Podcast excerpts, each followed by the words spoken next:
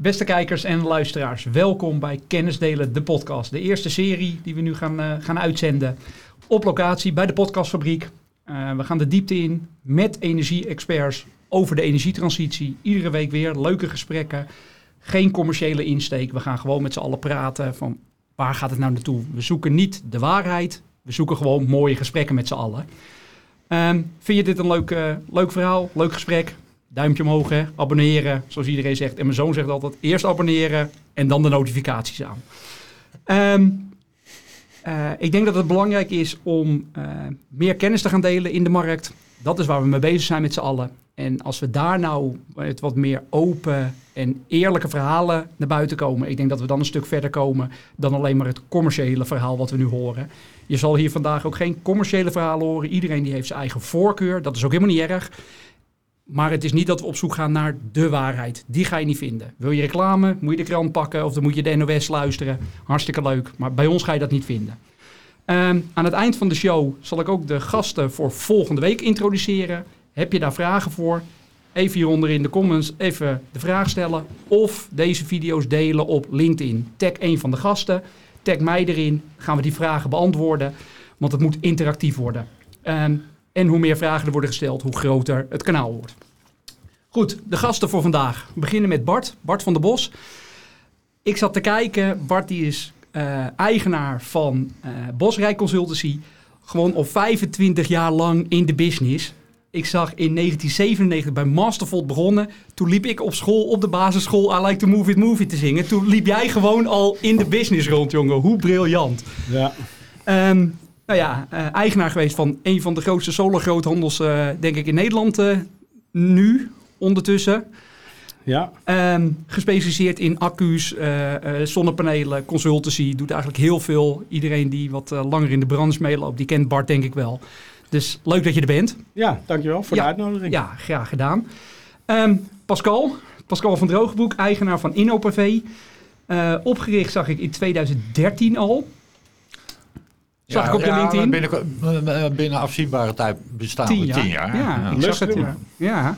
ja. Um, ook uh, uh, uh, al heel lang actief zag ik. Heel veel in de ook consultancy, heel veel in engineering. Ik zag dat je heel erg actief bent in het verduurzamen van monumenten, van forten heb ik gezien. Heel erg actief.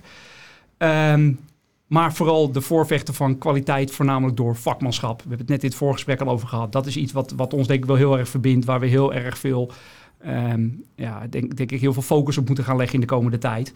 Omdat het vakmanschap, dat, ja, dat lijkt wel gewoon steeds schaarser te worden. Mensen zijn er wel, handjes, zoals ze dan oneerbiedig zijn, die, die zijn er wel. Maar zijn er, zijn er voldoende hersens om de handjes aan te sturen? Dat is denk ik uh, de grootste uitdaging.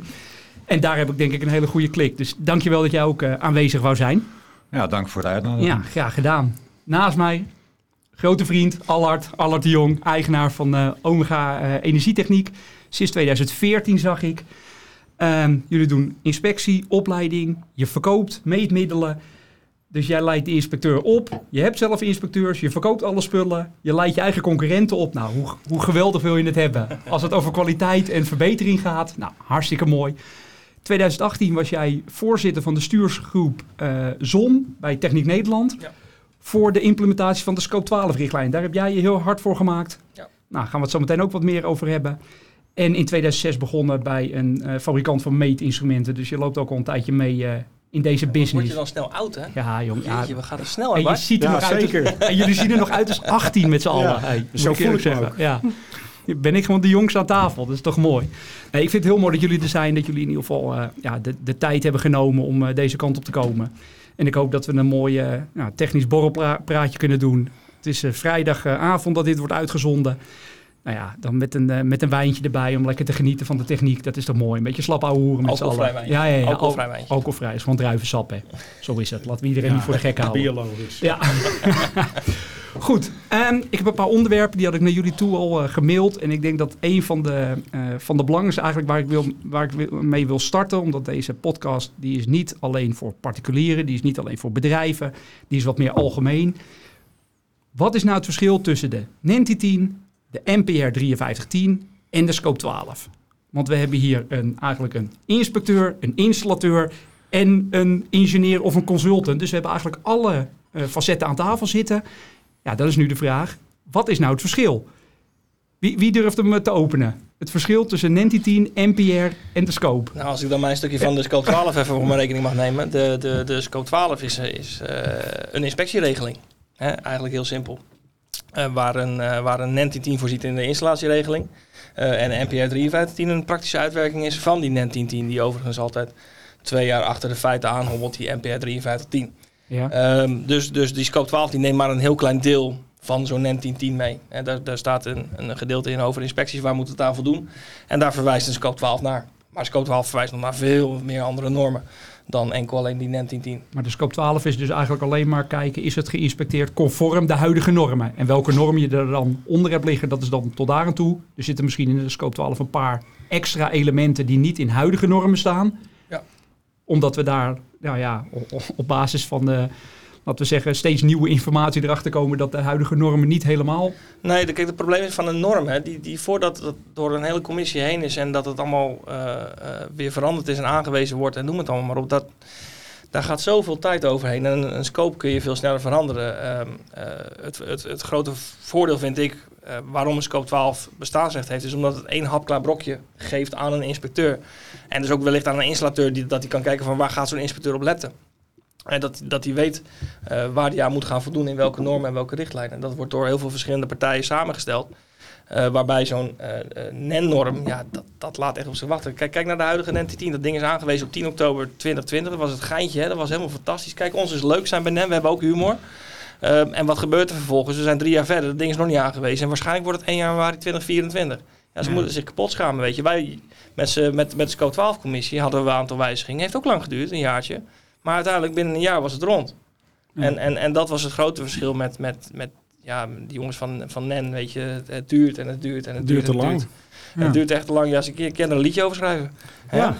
ja. dat is verschrikkelijk gewoon. Pascal, hoe zie jij dat? Want jij bent installateur. jij moet je houden conform aan de NEN 10, aan de NPR 5310. Dan word je daarna geïnspecteerd door een SCO 12 inspecteur.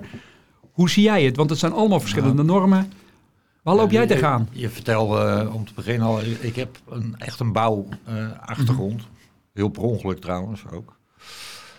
Um, wat ik er in basis een beetje jammer aan vind, aan, aan hoe we alles uh, doen op dit moment. Kijk, dat, dat hele NEN gebeuren, dat is vooral, en scope toch ook wel vooral elektrotechnisch, hè, mm -hmm. wat bekeken wordt. Uit mijn aannemersperiode ben ik heel erg gewend geraakt om te kijken naar de veiligheid van de mensen onder het dak of van in het gebouw. De, de, de, hele bouwregelgeving die gaat daar ook over. En dit is er dan weer apart uitgetrokken. En ik snap aan de ene kant wat jij zegt, Allard, van het is juist wel fijn, we kunnen sneller schakelen en, en ze krijgen hapbare brokken mee. Aan de andere kant zie ik het gevaar dat de totale veiligheid van het gebouw daarmee niet altijd automatisch geborgd is. Een heel grappig voorbeeld is als je nou kijkt naar, want de scope 12 gaat ook een stukje over bouwkundig.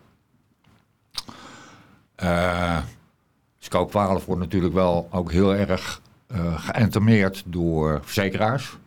Dat snap ik ook wel, deels. Want? Nou ja, deels zeg ik. Okay. Ik, ik denk ja. hier heel ja, ja, genuanceerd ja, over. Hoeft niet hoor. um, um, maar um, nou, dan willen we bijvoorbeeld heel graag uh, steenwol hè, uh, als isolatiemateriaal. Want dat uh, houdt brand tegen. Dan moet je eens nou aan een constructeur vragen. Wat die daarvan vindt. Ja. Ja, want dan, ja, we moeten wel berekenen hoeveel die zonnepanelen wegen en of dat dak dat wel kan hebben. Wat niet berekend wordt, dus wat als er onder die zonnepanelen een lekkage ontstaat? Ja. Weet je hoe lang het duurt voordat een pakket van 20, 25 centimeter steenwol, voordat dat binnen lekt? Ja. Weet je hoeveel kilo dan in dat dak zit? Ja. En wie lopen daaronder? En dat bedoel ik met de totale. En dat is gecompliceerde materie. Is dat is, dat is net zo gecompliceerd als het hele elektrotechnische verhaal. Zover je dat gecompliceerd kunt noemen. Maar ja, iedere bouwkundige kan zeggen, ja, dat snap je toch wel als bouwkunde. Ja, het probleem zit er gewoon in het feit dat, dat die, die, jongens die praten allemaal niet met elkaar. Weet je, er zijn, er zijn ja, mensen die dat hebben, is een probleem. Die hebben, die hebben zoveel centjes, die zetten een blokkendoos neer. En die gaan vanaf dat punt gaan ze kijken. En dan komt er iemand langs die zegt, weet je wat, je kan subsidie krijgen. En we gaan zorgen dat je aan zonnepanelen nog veel meer kan verdienen dan dat je normaal had kunnen verdienen alleen aan je gebouwtje. Vervolgens gaat die man of vrouw of persoon, hè, tegenwoordig moet je allemaal overal rekening mee houden, hè, die gaat dat neerleggen. Ehm, en, en dan komt er iemand die, zegt, die roept iets over isolatie. Hè? Isolatie, wat gaan we nou krijgen? En dan roept er iemand iets over sprinklers. Dan roept er iemand iets over tal van andere zaken die zo ver uit elkaar liggen. eh, waardoor uiteindelijk eh, het gebouw eh, allemaal kleine brokjes met eigen ontworpen deeltjes wordt. Nou, en daar heb je best een uitdaging. Hè? En dan, dan, dan, dan komt er zo'n vent van scope, die, die scope 12 inspectie uitvoert. En die krijgt de wind van voren. Want ja, die heeft het gedaan natuurlijk. Uiteindelijk. Ja, Hè? Want het is onze die heeft schuld. vastgesteld. Ja, het enige wat wij doen is constateren en rapporteren. Ja, Eh, maar dat, de, de wind van voor van. Van installateurs. Vaak, Ja, oké, is ja, wat je degene die je controleert. van pandeigenaren. Maar ik neem, ik neem aan dat als jullie een stevige afkeur hebben, dat die installateur de wind van voren krijgt van zijn, van zijn eindklant. Ja, maar goed, Tenminste, daar ga ik wel van uit. Weet je, ja, dat, dat- gelukkig gebeurt dat ook wel. En, en, en weet je, kijk, het mooie van Scope 12 is, ehm, en dat vind ik echt wel een compliment voor de hele commissie waard die dat al destijds allemaal heeft gedaan. En we hebben wel voor het eerst sinds jaren, misschien wel tientallen jaren, hebben we een, een, een, een regeling geïntroduceerd die door heel het land is omarmd. Die heel het land nu toepast, of althans denkt toe te passen. Ehm, zeg ik even, hoop toe te passen. zeg ik even licht cynisch. Eh, maar, maar weet je, we hebben nu eindelijk ergens één verhaal waar we ons aan, aan, conformeren met z'n allen. En dat, weet je, dat zorgt hopelijk, heeft dat effect op de rest van andere nieuwe markten zometeen. Hè? eh, eh, ik kijk dan even in mijn vakgebied, dat is natuurlijk makkelijk, maar ik hoop ook dat het in, in de woning... Wat je zegt is hartstikke waar, Pascal. Hè? eh, dat woningbouwers gaan nadenken dat er zometeen een accu bij gaat komen. Dat woningbouwers gaan nadenken eh, wat isolatie kan doen. En dus, eh, staaldaken, weet je, die hele dunne laag staal op een stukje isolatie, dat ze daar misschien over gaan nadenken. Misschien moeten we daar eens een keertje wat mee gaan doen, want daar is ook een groot brandgevaar als je de zonnepanelen oplegt. Ja, of, of eh, eh, de profielmaten op tekening zijn anders als daadwerkelijk uitgevoerd. Heb ik ook al een keer meegemaakt. zo vaak. Maar eh, Pascal, hoe zie jij het meer? Want jij bent, jij bent installateur. Jij moet jij aan al die normen houden. Kan jij die normen nog bijhouden? Kan je nog, wat ik hoor heel veel in de markt. van, Ja, het, is, het is zo moeilijk om bij te blijven. Het is zo lastig om alles. Kijk, tuurlijk is het, het. Wij zitten hier aan tafel, wij kennen het met z'n allen. Wij kunnen die normen wel. Maar kan iedereen die buiten aan het monteren is dat nog? Nou, nou, daar, daar zie ik de grootste bug. Eh, en, en in de inleiding zeg je van ja, eh, de- ten opzichte van vroeger steeds minder vakmanschap. Ja. Ik roep dat zelf ook heel vaak hoor, Dennis. Mm. Maar als ik dat zelf roep, dan denk ik ook wel, jeetje, je wordt een oude lul. Want Ja. dat zeiden je ouders vroeger ook. Dus het is ook wel een beetje de vraag van hoe kunnen we die solarbranche interessant genoeg maken voor de huidige jeugd. Mhm. Eh, dat ze er echt een uitdaging in zien. Dat ze het gaaf vinden om gaaf werk te maken op de mooie manier. En eh, volgens mij is daar ook een rol weggelegd voor scope-inspectiebedrijven. En dan meer aan de voorkant. Dus niet alleen maar als eh, controleur. Maar ik, ik heb Allard volgens mij een poosje terug een keer uitgedaagd om eh, filmpjes te gaan maken. Eh, Ja. om jeugd te, te Enthousiasmeren. We hebben daar hele leuke dames van de marketing nu. Ja, ja, eh, ja. Maar ehm, eh, ja, daar. Als ik zelf zie, wij hebben maar een klein team natuurlijk. Als ik zelf zie hoeveel tijd en energie erin gaat zitten. Om die normen bij te houden. Ja, maar dat niet alleen. Het is ook eh, denkwijze. Hoe ga je Ja. om met je spullen? Hoe ga je om met je gereedschap? En het, het- de, de denkniveaus zijn echt anders. Ja. Of je nou eh, in de consultancy of bij directeur van een groothandel of eh, adviseur of scope 12 inspecteur of ja, noem maar eigenaar. Ik noem me tegenwoordig steward Ja, van. ja, ik zag eh, het, ja. eh, van ik wist niet hoe ik dat moest interpreteren. Ik zag het op je LinkedIn. nou, de bedoeling is dat de eigendom van het bedrijf zelf wordt. Dus dat is eh, mijn exit-strategie. Ja. Ehm, eh, maar ook dat heeft weer te maken trouwens met eh, mensen betrekken. Ja. Ja. En ehm, ja, daar ligt wel een uitdaging. En wat er volgens mij op dit moment in de markt heel veel gebeurt, is dat er heel veel verkopende partijen zijn. Want daar worden de marges gehaald. Eh, en die eh, hoeven niet per se zelf het uitvoerende personeel te hebben. Waarmee uitvoering een inkoopfactor wordt. Dus daar moet je op knijpen, want Anders komt het niet ten goede van, je marge. En daar gaat Begint het het. volgens mij echt fout. Ja. Dat, dat is volgens mij de incentive om ervoor te zorgen. Als 90% van de markt dit op die manier doet, dan krijg je niet mensen die echt met plezier dat oude Nee. vakmanschap, dat meestergezelachtige principe. Ja. En het kan hoor, het kan. De- onze jongste monteur, die heb ik bij mijn oudste monteur gezet. En toen die jongen binnenkwam, had zijn rijbewijs nog niet en, eh, en, en wist niet al te veel. Hij had allerlei andere eh, eh, dingen die jonge knapen kunnen hebben. Ja. Eh, maar die keihard gegroeid. Dat duurt dan even, dat duurt even, dat duurt even. En dan op een gegeven moment zien ze het. En dan komt het wel. Nou, ik denk dat, dat, dat het bijhouden van de normkennis en dergelijke, wat jij zegt is helemaal waar. Ehm, het, het, ik, ik denk dat wij in Nederland het- niet het probleem moeten gaan zoeken bij een, een, het, het bijhouden van je norm. Ik denk dat het probleem eh, gaat liggen in hoe gaan wij eh, in het arbeidsmilieu met elkaar om. Hè, waarbij we vroeger traditionele bedrijven hadden als InnoPV, waarbij gewoon een goede, eh, standvastige eh, steward werkt, die uiteindelijk mensen onder zich heeft en daar eh, zijn kennis aan overdraagt en ook een bepaald verwachtingspatroon stelt. Tegenover dat peloton werkelijk waar van ZZP'ers. Eh, allemaal mensen die denken dat ze het in een eentje kunnen verdienen. Die geen tijd hebben om eh, zich te verdiepen in normen. Die geen tijd hebben om zich te laten omscholen. Omdat zij een inkoopdeel geworden zijn. Ja. Iets waarop bespaard moet worden. En dat is al jaren aan de hand. Dat is een van de redenen waarom ik ooit Omega ben gestart. Ik, ging, ik ging starten met, met, met, met mijn bedrijf. En ik werd te werk gesteld bij een, tenminste ik had een klant binnengehaald, eh, een vrij grote vereniging in het land, die, die wel eens wat, wat PV-installaties initieert.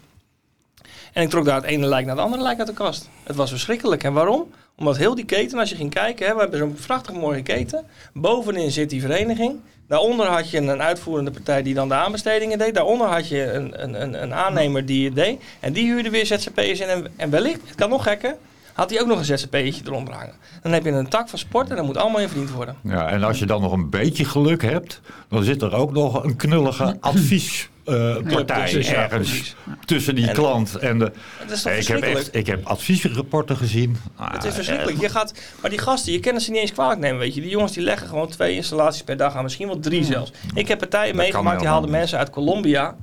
Die zetten ze hier te werk. Om 7 uur s ochtends zijn ze bij hun klant. En om 8 uur s avonds, half negen zijn ze thuis. Drie installaties per dag. Anders verdienen ze geen geld. Nee. En- hoe, en- hoe, wat- hoe- hoe zie jij dat, Bart? dan? Want jij loopt er zo lang mee in de branche. Van, van zeg maar de, de omvormers tot, zeg Ja. maar, tot, tot en met groothandel. Tot nu veel meer weer in het veld te vinden. Want je bent nu weer helemaal zeg maar, in de praktijk te vinden. Waar je eerst veel meer aan de voorkant zat. Zeg maar. Ja. Wat, wat heb jij in die jaren zien veranderen? Ja, het is bijna opa verteld. Hè? We zijn net de Ja. woorden oud. Nou, dat krijg je dan wel dat als voel ik me ook als ik zo bij jullie aan tafel zit. Wij waren natuurlijk... Wij hadden bij Mastervolt een groot project eh, gescoord met de Remu toen de tijd in, eh, in Amersfoort. Samen met Shell en BP. En ehm, nou, daar maakten wij de omvormers voor. Die hadden we in ontwikkeling. En op een gegeven moment gingen wij dat... eh, moest dat geïnstalleerd worden? Nou, kan je vertellen...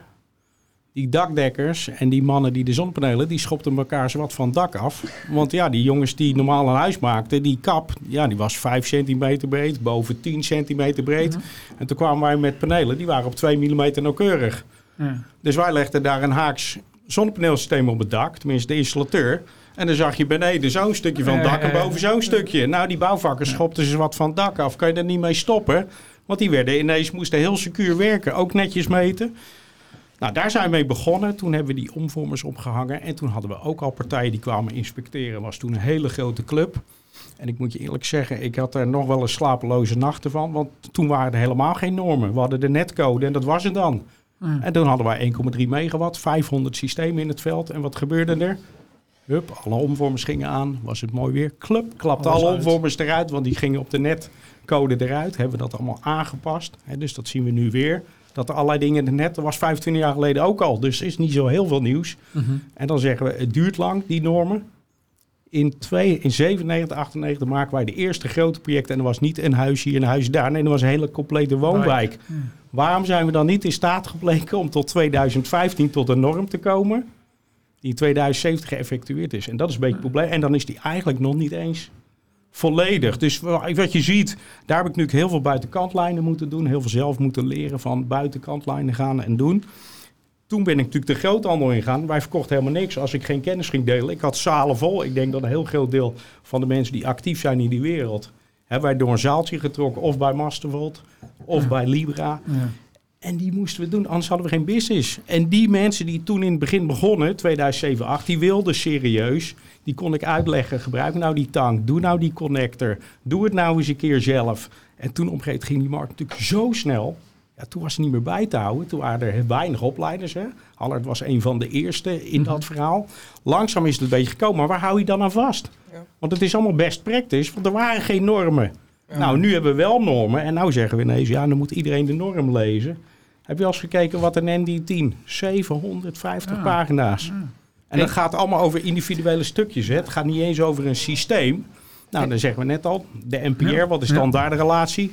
Omdat we dus met alle mensen uit de industrie die we eigenlijk dankbaar moeten zijn dat ze wat opschrijven. Maar die zijn niet in staat gebleken om in 750 pagina's duidelijk te maken wat die installateur moet doen. Zoals Pascal. En dan maken we daar een boek van. 305, handleiding. 350 pagina's om dat uit te leggen. En dan, En hebben we dan ook nog nog, 14, hè? Hè? En dan hebben we ook nog een N14. En dan, omdat de mensen, de installateur dat dan niet begrijpt, gaan we de NEN 4010 maken. Ja. En dan komt Allard, scope 12 doen. En wat doet hij? Die pakt NEN 1010. Nou, Ja. en ik denk dat we dan het cirkeltje rond hebben. En denk, ja, waar zijn we dan met z'n allen mee bezig? Nou, daar ben ik volmondig met je eens. En ik moet heel vaak terugdenken als ik dit soort dingen lees en zie en hoor. Aan de tijd dat ik eh, in de restauratieaannemerij zat.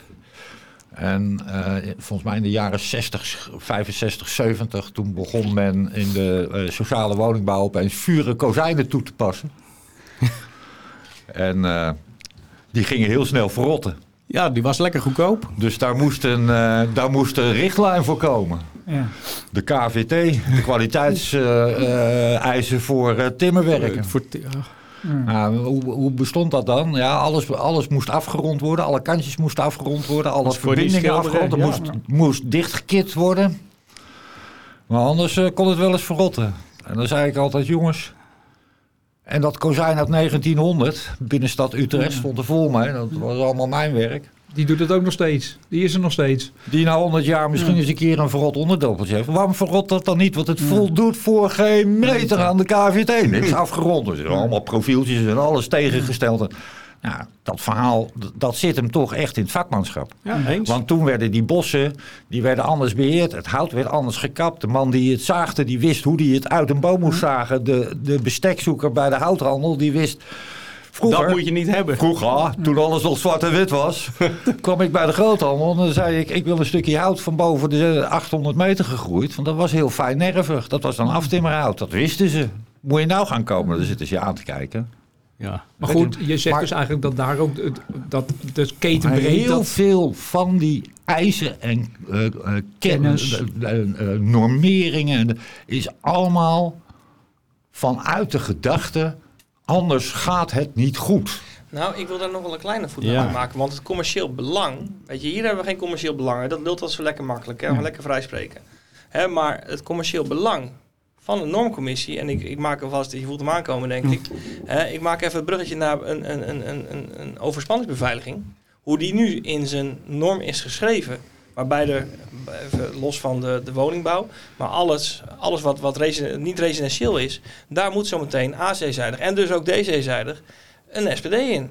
Weet je, dat is puur commercieel belang geweest. Iemand die heeft wereldwijd die lobby opgezocht om in het, in het- op, hoog niveau dat te kunnen doen. Mondiaal niveau. Mondiaal niveau. En vervolgens is dat allemaal uitgekristalliseerd naar Europa, Europa. en dan uiteindelijk naar Nederland. Dus het is gewoon fucking politiek. Het is gewoon eh, centen Geld. verdienen. Het is niet eens meer gaat het rotten of niet. Nee, het is gewoon fucking politiek is het gewoon. Nou, maar dat is wel een beetje het probleem. Hè? Dat is natuurlijk ook, want we zitten volgens de norm te doen. En dan heb je de ND10, heb je de NPR. En dan dingen staan niet in de 1010, maar wel in de NPR. En dat is dan ineens doen. Wettelijk gezien is de NPR niks. Of je moet het in je contract vastgelegd hebben. afgesproken hebben. Ja. Maar zo zit het over en weer. En zo zitten er heel veel fundamentele dingen in die in de norm gewoon niet er goed in staan. Terwijl eigenlijk zeggen we dat die installateur aan moet voldoen. En het volgende moment moet ik eigenlijk zeggen dat hij wel gelijk heeft. Want het staat er eigenlijk ook niet helemaal goed in. Nou, en dan kom je in zo'n discussie. En hoe weet dan iemand, hè, we hebben het er net over die vakmannen, die hebben misschien een MBO 2 of een MBO 3 of een MBO 4. Die moeten dan zo'n heel dik boek lezen, die moeten dat dan aan elkaar kunnen. Ja, Dat gaat niet meer. Maar ik kon dat ook niet. Ik kan dat ook niet van dat hele boek. Ik weet het van PV, omdat je lang Erin hebt zien zit. komen en dat je meegaat. Maar als je daar nu eens vol invalt, nou ga het Ja, maar dat doen. Is, wat, je, wat je nu aansnijdt, dat is al, daar begint het al mee. Dat die uitvoerende handjes. Die jongens die zijn vaak, dat had ik vroeger met mijn timmerlieden ook, die waren hartstikke vaak dyslectisch. Ja, die gaat het Dat toch niet wil niet lezen? zeggen dat er geen goede kop op zit. Ja, die hebben hele andere kwaliteiten. Precies. Precies. Dus ga die geen 750 eh, Pagina's uit hoofd, eh, meegeven. Maar dat is wel het mooie Ga ze ook nieuwe- niet een gemiddeld scooprapport meegeven, want ze gaan er helemaal niks van begrijpen. Nee. Dus da- daar hoort dan een vertaalslag tussen. Hè? Die moet je dan als, in, in ons geval moeten wij die dan aanleveren aan de jongens. Maar, Want- dan, maar in principe hoeft het ook niet fout te gaan. Hè? Want het- als jij weet wat de regels zijn en je weet... Je, die, er er, is je aan- ja, er is je aangeleerd hoe je het moet aanleggen. Weet dat ik vroeger bij de BAM eh, begon als leerlingmonteurtje. Daar werd ik gewoon met de monteur mee, met de leidinggevende monteur meegestuurd. Ik, ik kwam gewoon aan, nou, laat mij de meterkast monteren. Hij zegt, meterkast monteren. Hij zegt, ga jij eerst maar eens pijpjes op de muur aftekenen. Om de 40 een streepje, beugeltje op de muur, P25 op de muur. Wekenlang alleen maar buisjes staan boren. Ik, ik had nooit een kabeltje aangeraakt. En ik kwam van school, of ik zat nog in mijn opleiding. En dan dacht ik, nou, ik ga lekker meterkast ophangen. Dat is elektricien. Mocht helemaal niet. Stukje voor de, eh, is een kabeltje trekken en dan mocht ik het eens aanpellen. En dan moest ik leren, wat is nou het Yokari-mes en wat is nou... Gewoon de basis. Ja. Alleen nu denken we met twee dagen dat we iemand gewoon Ja. ergens uit de fabriekshal kunnen Ja. trekken en zeggen, nou ja, jij kan ook wel zonder... Ik snap het, want er is een tekort dat- aan mensen. Nou, het probleem is natuurlijk, hè, en dat was in mijn periode ook al. Hè, die mensen moesten maar doorstuderen en je moest eigenlijk zorgen dat je achter een bureau kwam, hè, maar niet te veel. En bij mijn ouders thuis werd wel met de handen gewerkt. Er zaten ook mensen die ook wel anders opgeleid waren, maar wel vanuit de praktijk opgeleid. En dat heb ik zelf ook altijd gedaan. En dat je ook weet, en dat zie ik nu vaak fabrikanten over doen. Ja, dan gaan we dat even zo doen. Ik zeg, heb je dat zelf wel eens Ja. geprobeerd? Heb Ja. je zelf wel eens geprobeerd wat je daarvoor Ja. schrijft? Ja. Dat kan helemaal niet. Nee. En dan kan, ja, nee, dat hebben we eigenlijk niet gedaan. En dus er is heel veel theorie. Maar wat je zegt, je moet het natuurlijk gewoon in de praktijk wel doen. En nu zien we in één keer dat het omdraait. Want nou hebben we die handen niet meer praktisch. En nou staan we met de handen in het haar. En nu hebben we Nou, dus een controleslag waarheid, die een erachter zit. Dat is een waarheid. dat is een Nu zit er een controleslag achter, want er wordt ook nog eens geïnspecteerd. Is het conform de normen? En dan hebben we dus ook te weinig mensen die er verstand van hebben. Of die er geen tijd of geen mogelijkheid hebben. Het is ook nog eens een betaalde norm. Dus je moet je aan de norm houden, maar je moet hem ook nog eens kopen. Ja, dat is wel een beetje gek, hè, Dat, jongens. dat is op zich, vind ik dat raar. Daar eens. De meeste mensen je moet het niet. Nee, maar nee. Nee, dat is het leuke altijd. Hè? Als we ergens staan te spreken en ik stel de vraag Vraag. altijd wie heb je hier een NT10 en dan gaan altijd van de, van de, van de, van de 30, 40 man gaan de drie vingers omhoog. Ja, als je En die 30% hebben hem. haalt, als het 30% is, is Ja. het al veel. Meestal is het niet meer dat. Als je dan Nee. vraagt wie heeft er wel eens wat in gelezen, dan wordt het Ja. vaak nog en, maar en de dan helft. wel raar vinden, en dat vind ik dus leuk, hè, want ik ben ook examinator, hè, we nemen examens af. Ehm, en dan wel gewoon met het verhaal komen van, joh, weet je, eh, eh, ik, ik ben bij jou op cursus geweest en ik verwacht dat ik ga slagen. Ja, hoe dan, weet je, als je niet eens een net 10 hebt. Als je niet weet hoe je dat ding moet lezen. Jij bent installateur, dat is jouw bijbel. Hè, jij hoort daarmee, Zou je denken, zou maar je dat onder je kussentje moeten hebben liggen. Als je op de wc zit te poepen, moet je gewoon het ding lezen, omdat je niks anders te doen hebt. Weet je, je zit er toch. Ja. Dus doe, maak je dan in ieder geval je tijd nuttig. Hè, en, en, en, want zo- Het is ja, gewoon ik heb vakmanschap. misschien, het is Ja. niet, als je, Je eenmaal moet weet hoe het werkt, is het niet al te moeilijk. Maar je moet wel weten hoe je het moet lezen. En, en dan moet je het on the fly moet je het gaan leren. En, Maar goed, het zit Maar ook deels... van die ZZP'er dat niet verwachten. nee, maar dat is dus het probleem. Want het hele verdienmodel die- is gewoon verkeerd. Hè, we moeten Nou, gewoon, in mijn visie moet je terug naar het traditionele bedrijf. Waarbij we gewoon inderdaad een projectleider hebben die zegt, weet je wat jij gaat doen? Jij gaat buitens op de muur uittekenen, vriend. Om de 40 centimeter. En Want jij bent nog niet komende 24 uur. Capabel genoeg om, want zo moet het eigenlijk gaan. Hè? Ja, Nou, moet je moet leren. natuurlijk terugwerken. Hè? Nu gaat iemand ZZP en die zegt gewoon... ja, ik ben zonnepaneelinstallateur Ja, of monteur. en, en, de, nog. Ja. en de expert. En de Ja. vraag is natuurlijk Nou. of dat waar is of niet waar is. Maar daar deels, heb jij zelf natuurlijk ook wel een beetje de oorzaak net al genoemd. Namelijk die ontzettende snelle groei. dat is ook zo. Ja. En dat Dus wordt de, al... hè, de, de markt roept van eh, komen. We moeten. En dat was natuurlijk in het verleden, hè, dat hebben we natuurlijk gewoon niet aanzien komen. Hè. Een van de dingen toen wij ons bedrijf hadden, toen ging het best goed. En dan hadden we residentieel. En in één keer was de out of the blue, was er een SDA-subsidie. Gingen we ineens Commercieel. Heel commercieel. Heel groot. En wat gebeurde er? Heel veel bedrijven die zeiden, ja, daar ga ik niet al te veel mensen in opleiden en doen. Want ja, dat is een bubbeltje. Dat duurt misschien een jaar of twee jaar en dan gaan we weer terug. En eigenlijk hadden we toen natuurlijk vanuit ja. de RVO moeten kijken. Wat does it take om dit te kunnen doen? Wat hebben we voor handjes nodig? Wat is de kennis? Zijn de normen er? Wat heeft het allemaal nodig? En nu zitten we dan, ondertussen hebben we overal alles gemaakt. En nou allerlei andere Nou, problemen. het is misschien ook, ook wel goed om uit te leggen dat als je kijkt naar de, de NENTI 10 en die NPR, dat, is voornaam, dat zijn gewoon de installatienormen waar we ons om moeten houden. Dat is misschien sommige mensen zullen dat ook niet zich beseffen. Dat scope 12 is eigenlijk alleen maar die controleert, is er conform de huidige normeringen en de, de, de huidige regelgeving geïnstalleerd. Maar voornamelijk grootschalig. Dat wordt, dat wordt particulier.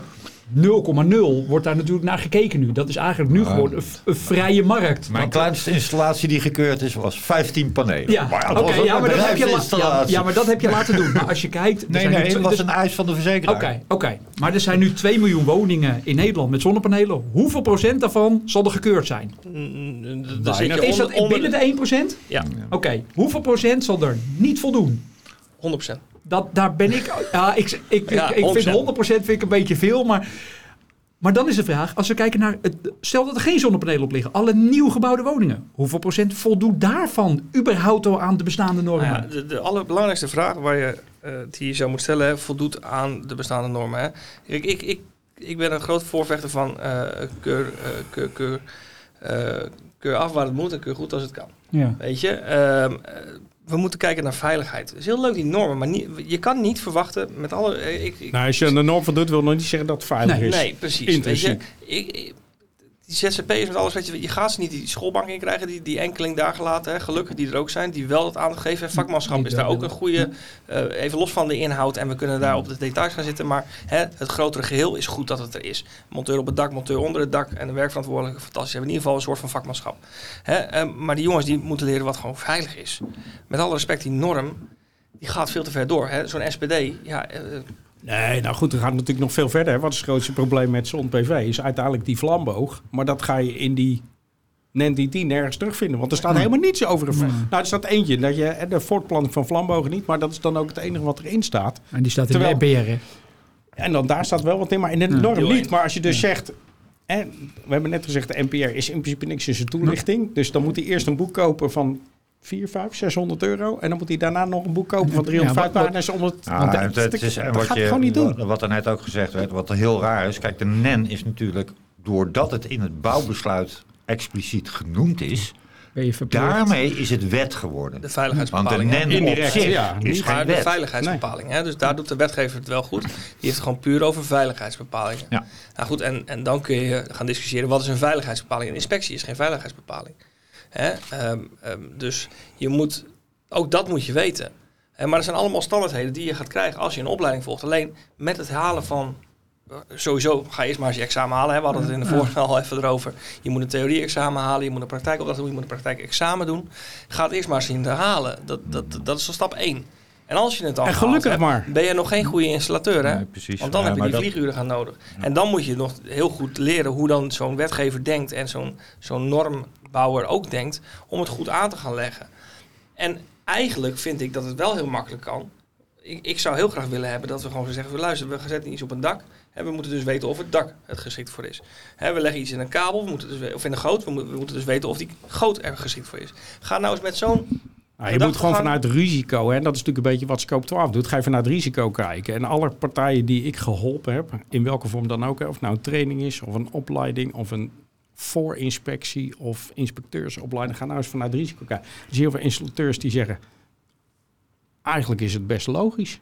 Waarom Ja. hebben we nooit zo gekeken? Ja. Nou, omdat je dat in de norm niet 1, 2, 3 terugvindt. Dus die mensen, en heel vaak zegt die installateur, Bart, zeg me nou alsjeblieft wat ik moet doen. Moet ik het A, moet ik het B? Het maakt die installateur allemaal niet uit. Als ze maar weten Die hoe. als ze maar weten hoe. het dak, Ja. als, die moet goede informatie krijgen Ja, op, op een manier die hij of zij verstaat. ja. Da en, en daar zit volgens mij een, een ontzettende slag te winnen. En het begint ermee met de veiligheid van die gasten zelf. Ja, ja. De fysieke veiligheid met En het aanleggen. De hele branche die ligt natuurlijk helemaal te slapen. Ach man, dat al Want- Ja. 20 kilo, 1,8 vierkante meter. Ja. Ja. Mag je een vlieger, ti- 20, 20 kilo mag je tillen hè, van de Arbo? Ja, maar er staat in de Arbo nog meer. Er staat namelijk ook dat de arbeidsomstandigheden daar wel van op invloed zijn. Ja. Ja. En een beetje wind. Het is gewoon een vlieger. ja, maar een ladder is sowieso... Dus welke Ja. idioot heeft ooit verzonnen dat we panelen van 1,8 vierkante meter op schuine daken plaatsen? Ja. Goed, Nee, dat, dat kan wel, want ze zijn ook kleiner, hè? Nou ja, maar je kunt het ook met z'n tweeën doen. Ja, ook. Hè? Ja, kan ook. Maar drie installaties op een dag, Nee, twee installaties niet, op een dag, dat gaat natuurlijk niet. Hè? Nee. Niet Nou, als daar je- moeten we met z'n allen echt zo snel mogelijk vanaf stappen van die twee installaties per dag. Weet je, dat is gewoon echt dat. Nou ja, je moet gewoon eh, op de juiste wijze je geld kunnen verdienen. En dat Precies. moet dan gewoon netjes en veilig kunnen. En ik heb er nu ook weer een paar grotere klanten die zeggen... ja, we hebben toch wel wat issues gehad her en der. Dan zeg ik, ja, oké, nou, kan je dan een keer mee? Ja, dan gaan we kijken. Waar zit het dan? En nou, uiteindelijk zit dat dan... Uiteindelijk zijn negen van die problemen is gewoon vakmanschap. Iemand heeft iets niet aangedraaid wat hij wel had moeten doen. En dan zeg ik, ja, maar waar, waar zit het dan opgesloten in je proces? Dat je dat aan het- borgt. dat je dat borgt, dat je dat aansluit. Hebben die mensen de juiste training? Hebben ze de opleiding? Heb je de gegevens van de fabrikant? Weet die man wat je? Ja, nee, maar dat hebben we allemaal uitbesteed. Zij zijn toch specialisten op het gebied van aansluiten van PV? Zo hebben ze aan ons verkocht. Ik zeg, ja, maar je zal het wel vast moeten leggen. Ja, maar dan moeten we heel veel vastleggen. Ik zeg, maar je hebt nu gezien dat je het bij hem neerlegt. En dat kan niet, want nu gaat het fout. Want zij hebben het ook niet geborgd. Ja, maar dan moeten we heel veel directief allerlei dingen doen. Ik Ja. zeg, ja, als je niet afspreekt dat het blauw is... dan kan je Ja. altijd wel inspecteren. Als Allert dan komt, zegt hij, nou, dat is niet goed. Want hij heeft het liever zwart. Ja, dan moet je wel afspreken met elkaar dat, Dat het blauw is of ja. zwart of rood. Ja. Of hoe je dat doet. Anders is er niks te controleren. En dat is Maar ik natuurlijk vind, het ik, ik vind wel met die fouten voornamelijk, dat is wat Pascal terecht zegt, de, de fysieke veiligheid. Van kunnen we het überhaupt veilig monteren? Nou, dat zien we natuurlijk in de media zat voorbij komen. We zien het over, dat vorige week weer in het nieuws, hè. Vier dooien, eh, zeg maar, tijdens de montage van zonder... de- Echt, Ah, daar werkte ik toch een tijdje pissig van, jongen. en, en er zijn heel veel die gewond raken en heel veel komt niet eens in de media. Dat wordt niet eens gemeld bij de arbeidsinspectie, want eh, Nee. dat is... Ik roep het al tien jaar, weet je. Je weet het. eh, Ja. ik, ik, ik, ik heb vanaf dag één geroepen, jongens, let op, let op, let op. Ik was een schreeuwende Ja. in de woestijn. En mensen vielen van het dak af. Niemand vond het erg. En een of andere directrice ergens van een bedrijf in België, die zei, de trouwens, zijn foto staat nog op mijn bureautje. En vervolgens wel weer diezelfde installateurs drie installaties per dag laten doen. Ja, je moet je kapot schamen waar je bij zit. Ja. En ik Je zal verder het geen namen jezelf. noemen, maar ze weten Mm. ongetwijfeld dat ik het over haar heb. Ehm, weet je, wat ik belachelijk vind, is gewoon dat we, we, we, vinden het allemaal maar prima. Ja, ik vind het dus niet prima. Nee. Weet je, als je het dak op gaat, doe je dat veilig. Mm. Je gaat niet een zonnepaneel via een ladder vervoeren, vriend. Weet je, en arbeidsongevallen blijven bestaan. Hè? Die Ja, val van ja, een meter, maar dat kan, hè? Ja. Eh, maar je- je- Kan altijd. waarom zoek je het op? Maar goed, ik zie het Nou, ook. Hè. eh, Ik heb ook volledig eens, maar dan, dan begint het er ook mee dat die hele branche Ja, ook gewoon eens een keer moet gaan beginnen om kleinere maat panelen te maken voor op schuine daken. Laten we even wel Ja, ja, ja, ja. ja, ja, dat Ja, vind ik maar een da- stuk, en eh, dan dat hebben we allemaal boter op ons hoofd. Want we gaan steeds groter. Nou ja, Ja, goed. ja. de Meer fabriek- vermogen, hè? Kijk, en dan kan, op, Ja. een platdak, op een platdak is het prima, want dan Ja. gaan ze ze tenminste Ja. met z'n tweeën tillen. Dan Ja. gaan ze minder tillen per, per Ja. persoon. En, en het is veiliger en het is beter. Ja. Schuimdakwerk, kom op jongens. Maar er werd natuurlijk Laten we gewoon nou toch eens een keertje stoppen. Kunnen die groothandels daar eens een keertje achteraan? Maar goed, Ik, ik zou, ik, ik- bij mij mag je een keer een scoopkeuring komen doen. Mag je het afkeuren op het feit dat er te grote panelen op het Ja. schuine dak Dat maar aan de klant vertellen. dat kan ik niet eh, onderbouwen, sorry. Ah, daar heb ik wel wat. Want als je natuurlijk kijkt, we moeten aan de EPC voldoen. Hè? In de bouw, we moeten renewables, we moeten allerlei andere dingen. Heb je wel eens gekeken in de norm wat daar staat?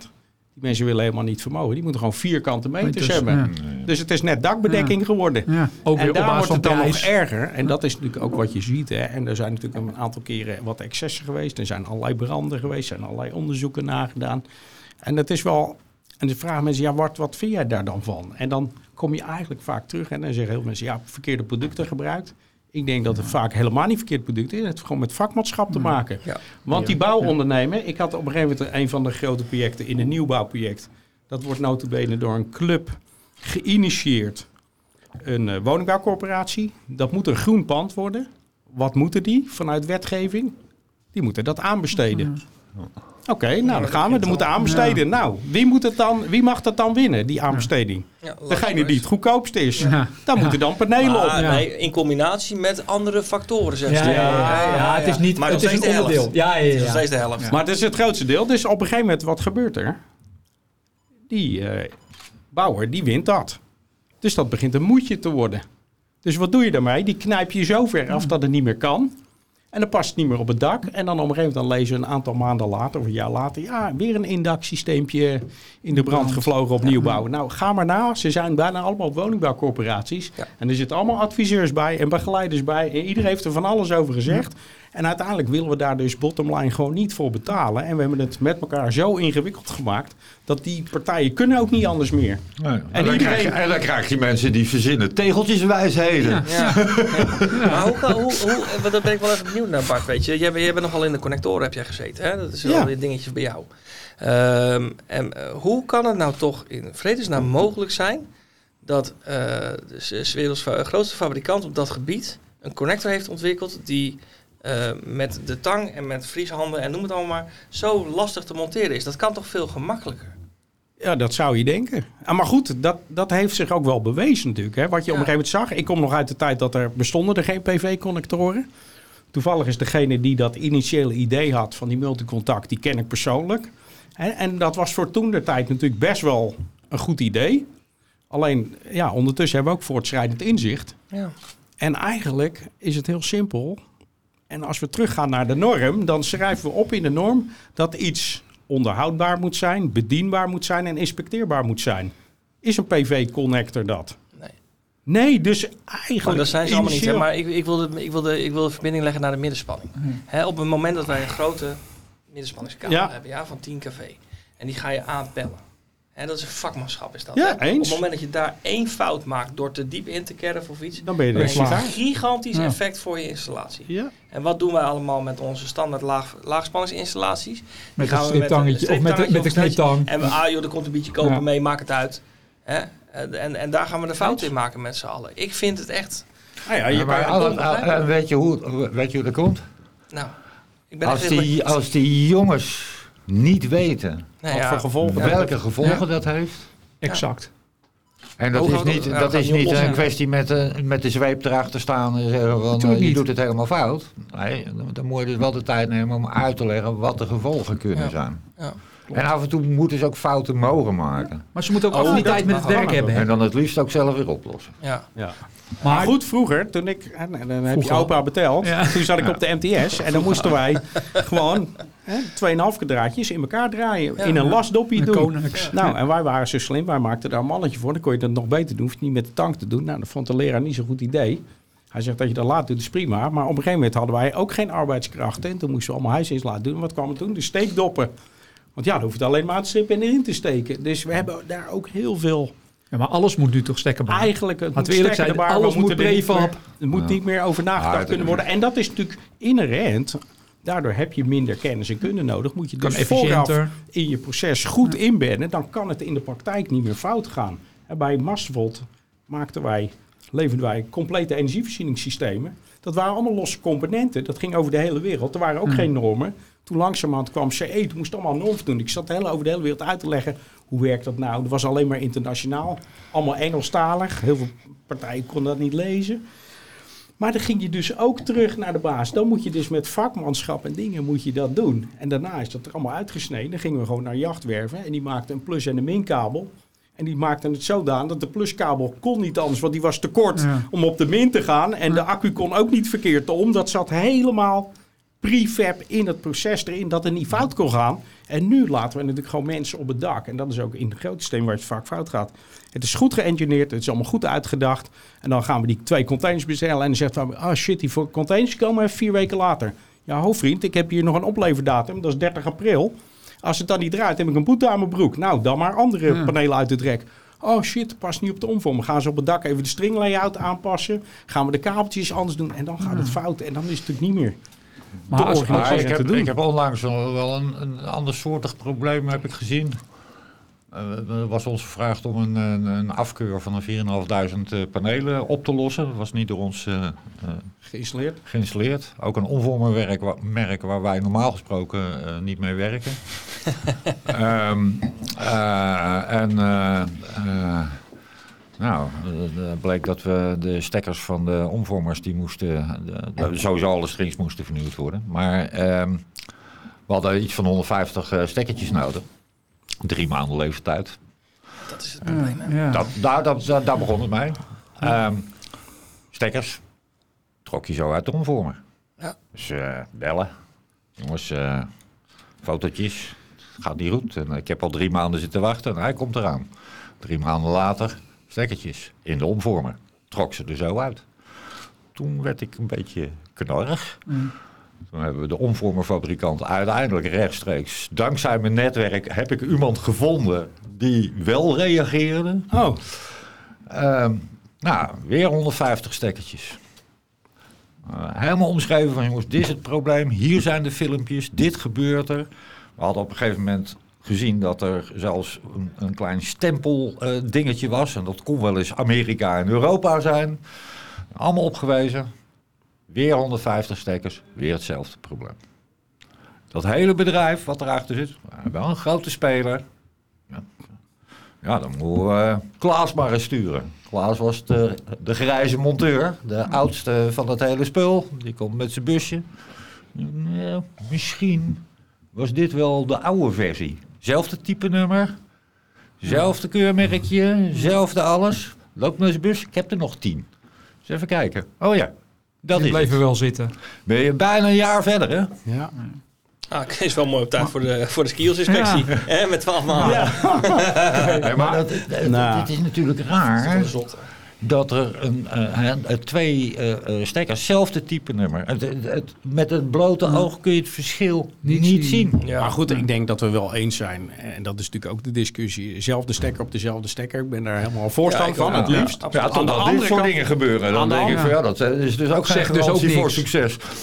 Aan de andere kant, en dat hebben we op een gegeven moment ook wel besproken. Dat we zeiden, oké, dus dat betekent dat eh, jij als installateur hebt vijf verschillende merken met vijf verschillende stekkers. Dan heb je op een gegeven moment tien verschillende pennen en busjes. Dat gaat in jouw verzameldoos. Ja, dat gaat En die ligt Ja. een keer open op het dak en die gaat hij over het dak heen. En dan zit op een gegeven moment het pennetje van merk A zit in huisje B.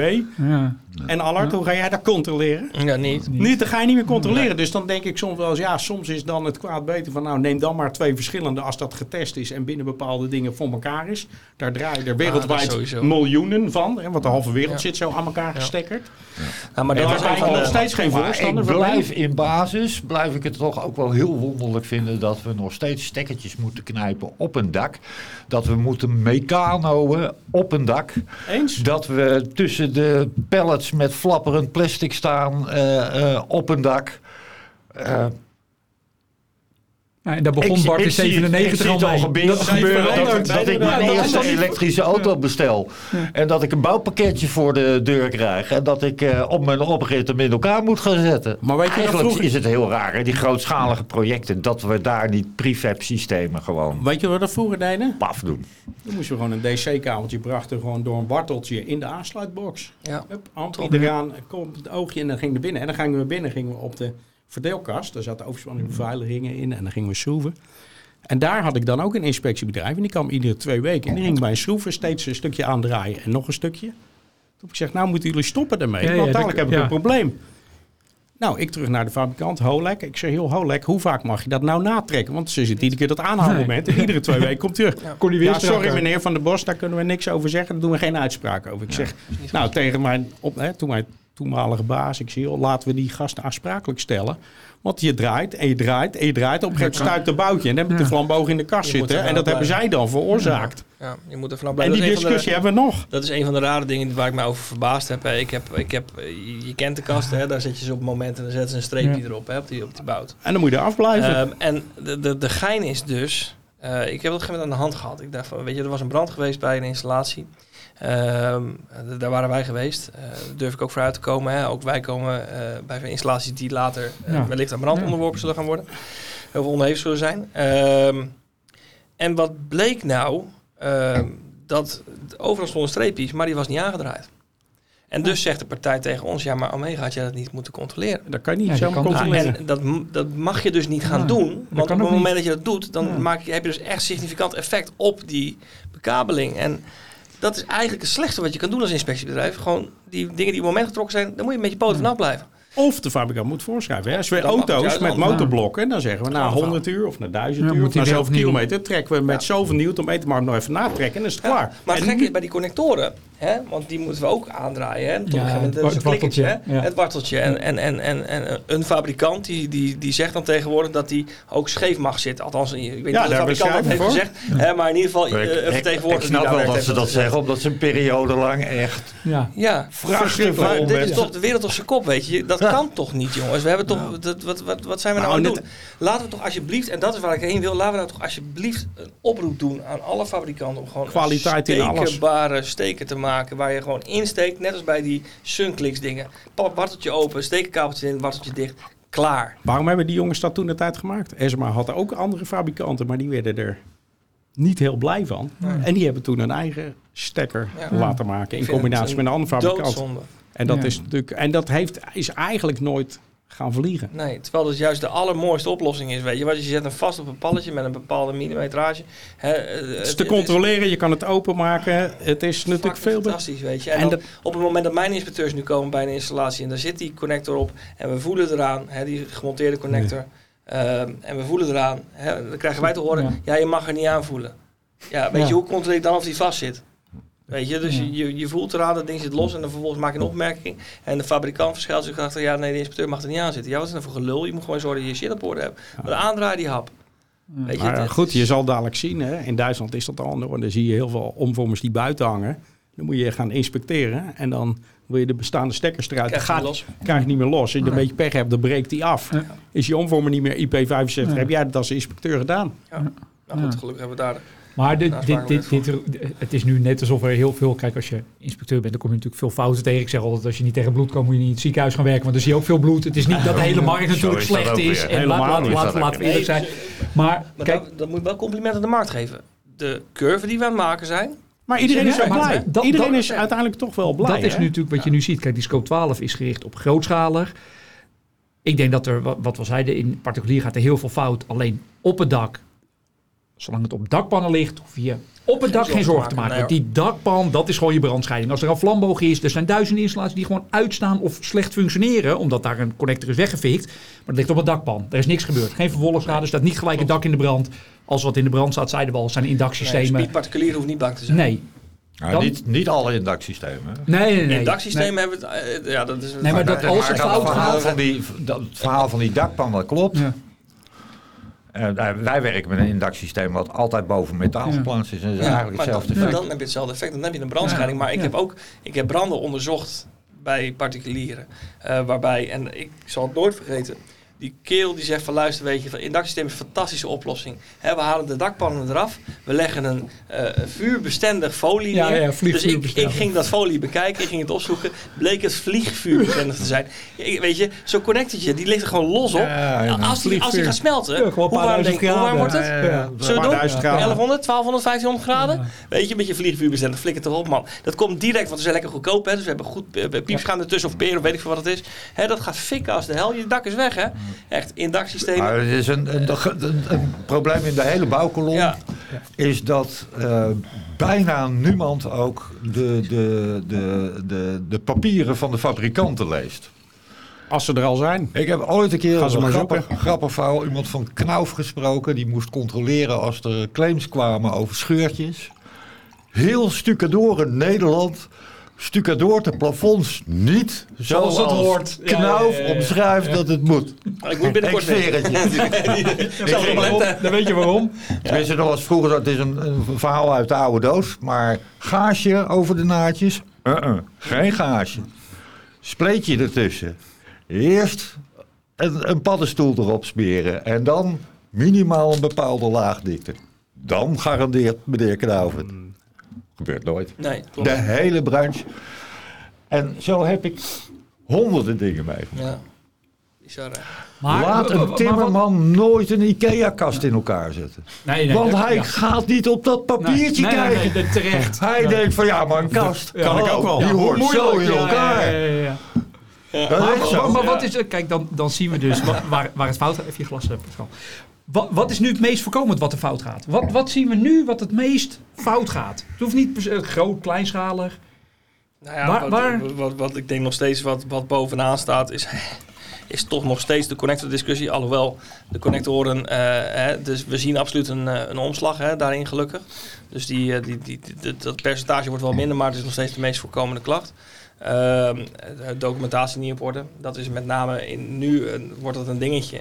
Eh, we hebben er is een nieuw wetje in werking getreden Hmm. waarbij een stukje verslaglegging eh, eh, noodzakelijk wordt geacht. Ja. Ehm, hoe heet die wet ook weer? Dat is, ik ben Ja, altijd de naam wet- kwijt.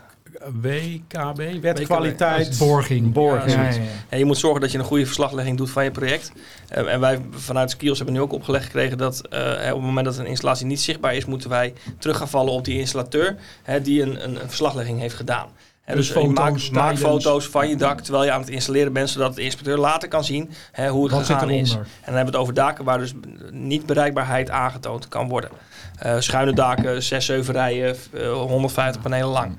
Ehm, dat soort daken noem ik altijd. Ehm, eh, die documentatie wordt belangrijker en belangrijker. En het verbaast mij nog hoe vaak dat toch nog een ding is. Hè, waarbij Ah ja, dus- constructieberekening ontbreekt. Ja, voor mij is het onbegrijpelijk. Een constru- weet je, hoe- als je iets op een dak gaat leggen, wil je wel weten dat het niet instort. Hè? Maar vaak zegt de klant, ik, ik, heb- ik vind heb het er prima. wel onlangs een interessante discussie over gehad. We hebben een eh, eh, groot project gedraaid waarbij we het gewicht wat aangebracht werd verdeeld over het dak heen aan grind afgevoerd hebben. Ja, logica. Ja, maar dat is logica. Weet je, ehm, maar goed, uiteindelijk is dat ook wel goed gekomen. Ja, maar wat, ik zeg, ik ben er echt over verbaasd dat, dat, documentatie toch nog steeds een dingetje blijkt te zijn. Ja, en verder is het, eh, is, eh, vind ik eigenlijk een variëteit. eh, eentje die we misschien moeten uitlichten is het, het overbelasten van je verdeelinrichting. Hè, dat zie je toch veel. Waarbij, dat vind ik zo mooi. We hebben enorm grote daken in Nederland. Dan leggen we oost-west opstellingen neer. Hè? En die, de- de- we blaffen dat hele dak vol. We gaan alles lekker overdimensioneren. Want dan doet, heb ik de hele dag lekker opbrengst. Nou, die verdeelinrichting die is niet berekend op een eh, constante belasting. eh, hè? eh, eh, die, die, terwijl je dat dan wel hebt in dat geval. Nou ja, die zou je je mee moeten nemen. En dat- gelijktijdigheidsfactor is één. In de nieuwe 1010 staat het ook. Hè? Gelijktijdigheidsfactor is één. Ehm, dat is echt een heel belangrijk ding. Want die verdeelrichting is vaak berekend op nou ja, extreem laag. Ehm, en, en daar hebben we de afgelopen jaren veel brandjes in gezien. maar, Maar maar, dit, is, dit speelt vooral bij woonhuizen.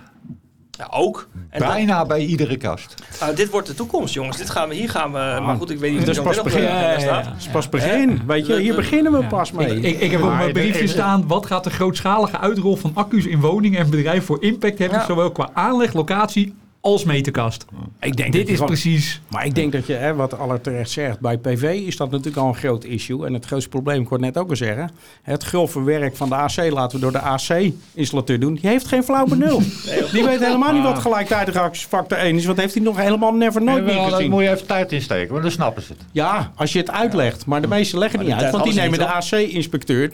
Ik heb dat daar neergelegd. Ik heb de kennis niet, dus ik heb het uitbesteed. Dus ik verwacht dat hij het doet. Dat gaat niet goed komen. Als we dan nog een keer gelijktijdigheidsfactor 1 zometeen een batterij. Dan zijn er nog mensen die denken dat we bidirectioneel heen en weer gaan. Dan hebben we daar drie voedingen. Ja, stel eens bij elkaar op. En kijk eens naar een 40 ampère railtje bij mevrouw Jansen thuis. Nou, dat wordt leuk hoor. En, en dan de deel 2 daarvan is, en dat is wel grappig, want dat doen we nu bij Skioscope 12 eigenlijk ook al. Dan gaan we in die verdeelrail kijken. En wat blijkt nou?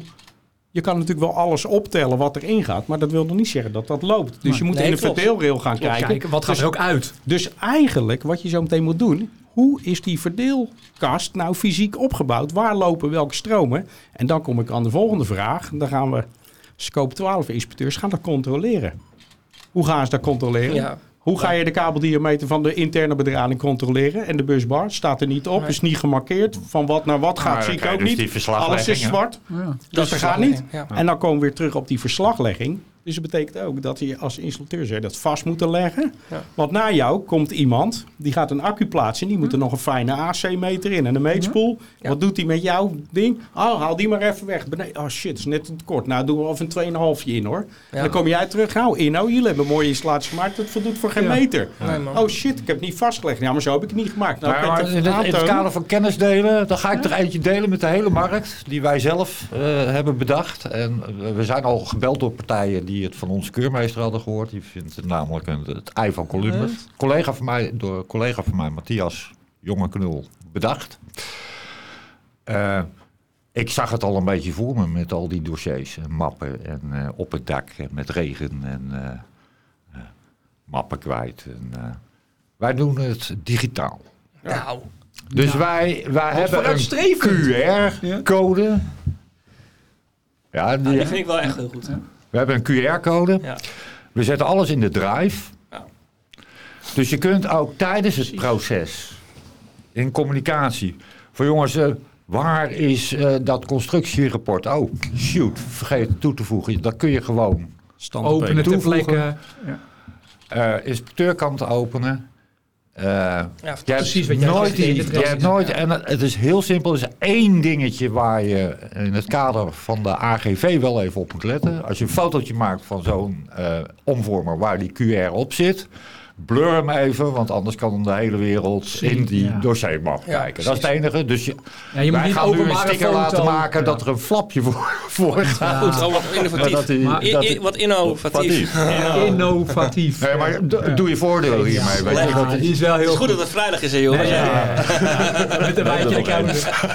Meestal zijn dat de beste Ja, Ja, ja, dat zijn nee, wel de beste. Nee, maar ik denk dat, dat dat is wat Allah terecht, dat zeggen we doen we wat vaker een masterclass samen, dat Allah het ook zegt, leg het alsjeblieft vast. Het is helemaal niet zo moeilijk, alles kan digitaal, doe het in een Google Drive. Weet je, maar op deze manier kun je dus ook heel makkelijk de foto's die die jongens eh, op het werk maken. Bovendien is het ook fijn eh, in de communicatie met kantoor. Dus ik vraag Je weet ook al- wat er gebeurt. Ik vraag ook altijd, jongens, stuur even een fotootje dat je veilig werkt. Stuur even Ja.